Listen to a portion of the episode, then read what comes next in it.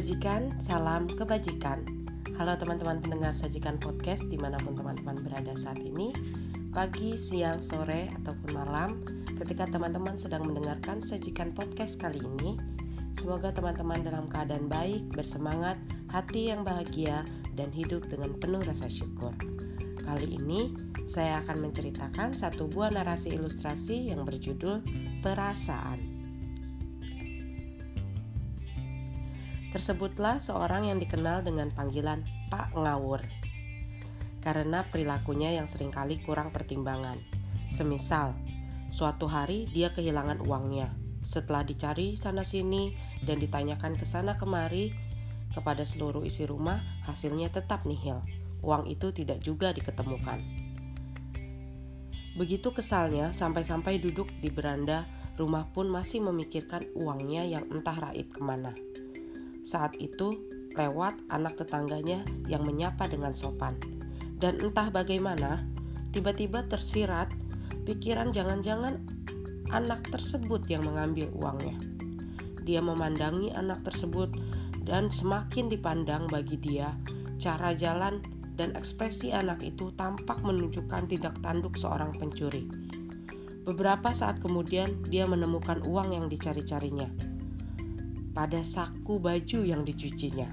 Setelah ditemukan uang yang hilang itu, kembali dipandangnya anak tetangga yang sempat dicurigai tadi, sungguh ajaib. Semua ekspresi dan cara berjalan anak itu yang semula nampak seperti pencuri, kini tidak lagi menunjukkan tanda-tanda sebagai pencuri di matanya. Di dalam Tasye jilid 7 pasal 1 tertulis, Adapun yang dinamai untuk membina diri itu harus terlebih dahulu meluruskan hati.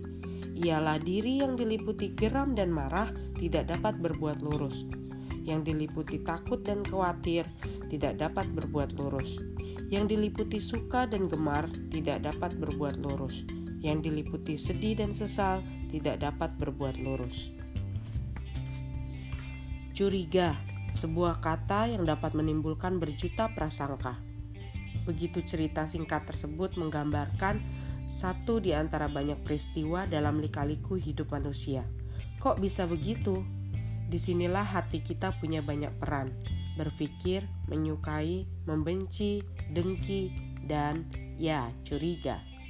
Seperti yang tadi itu.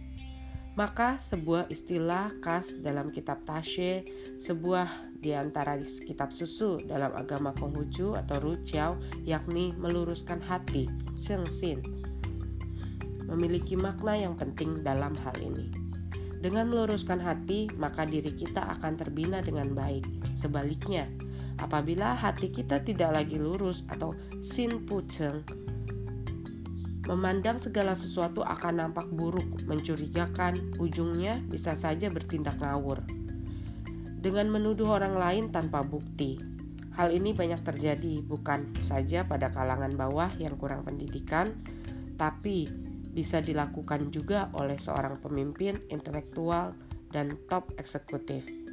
Hasilnya pertikaian, perseteruan, curiga mencurigai, kawan jadi lawan, sahabat jadi musuh, fitnah serapah, muncul tanpa terkontrol lagi. Total loss benefit. Di dalam Lunyi jilid 2 pasal 2 Nabi bersabda, ada 300 sanjak lebih isi kitab sanjak, tetapi dapat diringkas menjadi satu kalimat, pikiran jangan sesat.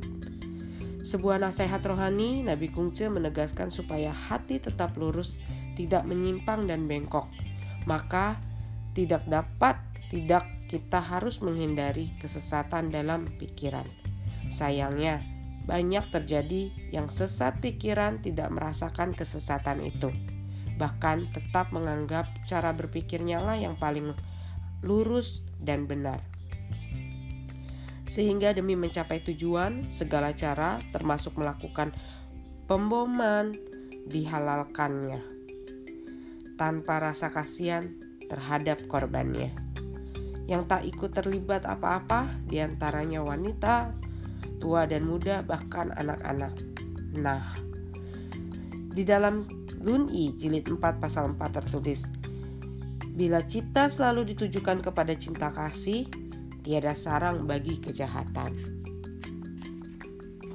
Marilah kita sadari kejahatan hanya lenyap dalam kelurusan hati nurani, dalam diri yang terbina, yang dipenuhi akhlak yang mulia, yang selalu tertuju pada cinta kasih. Ini nasihat universal di dalam semua ajaran agama. Terima kasih teman-teman semua episode kali ini semoga bermanfaat.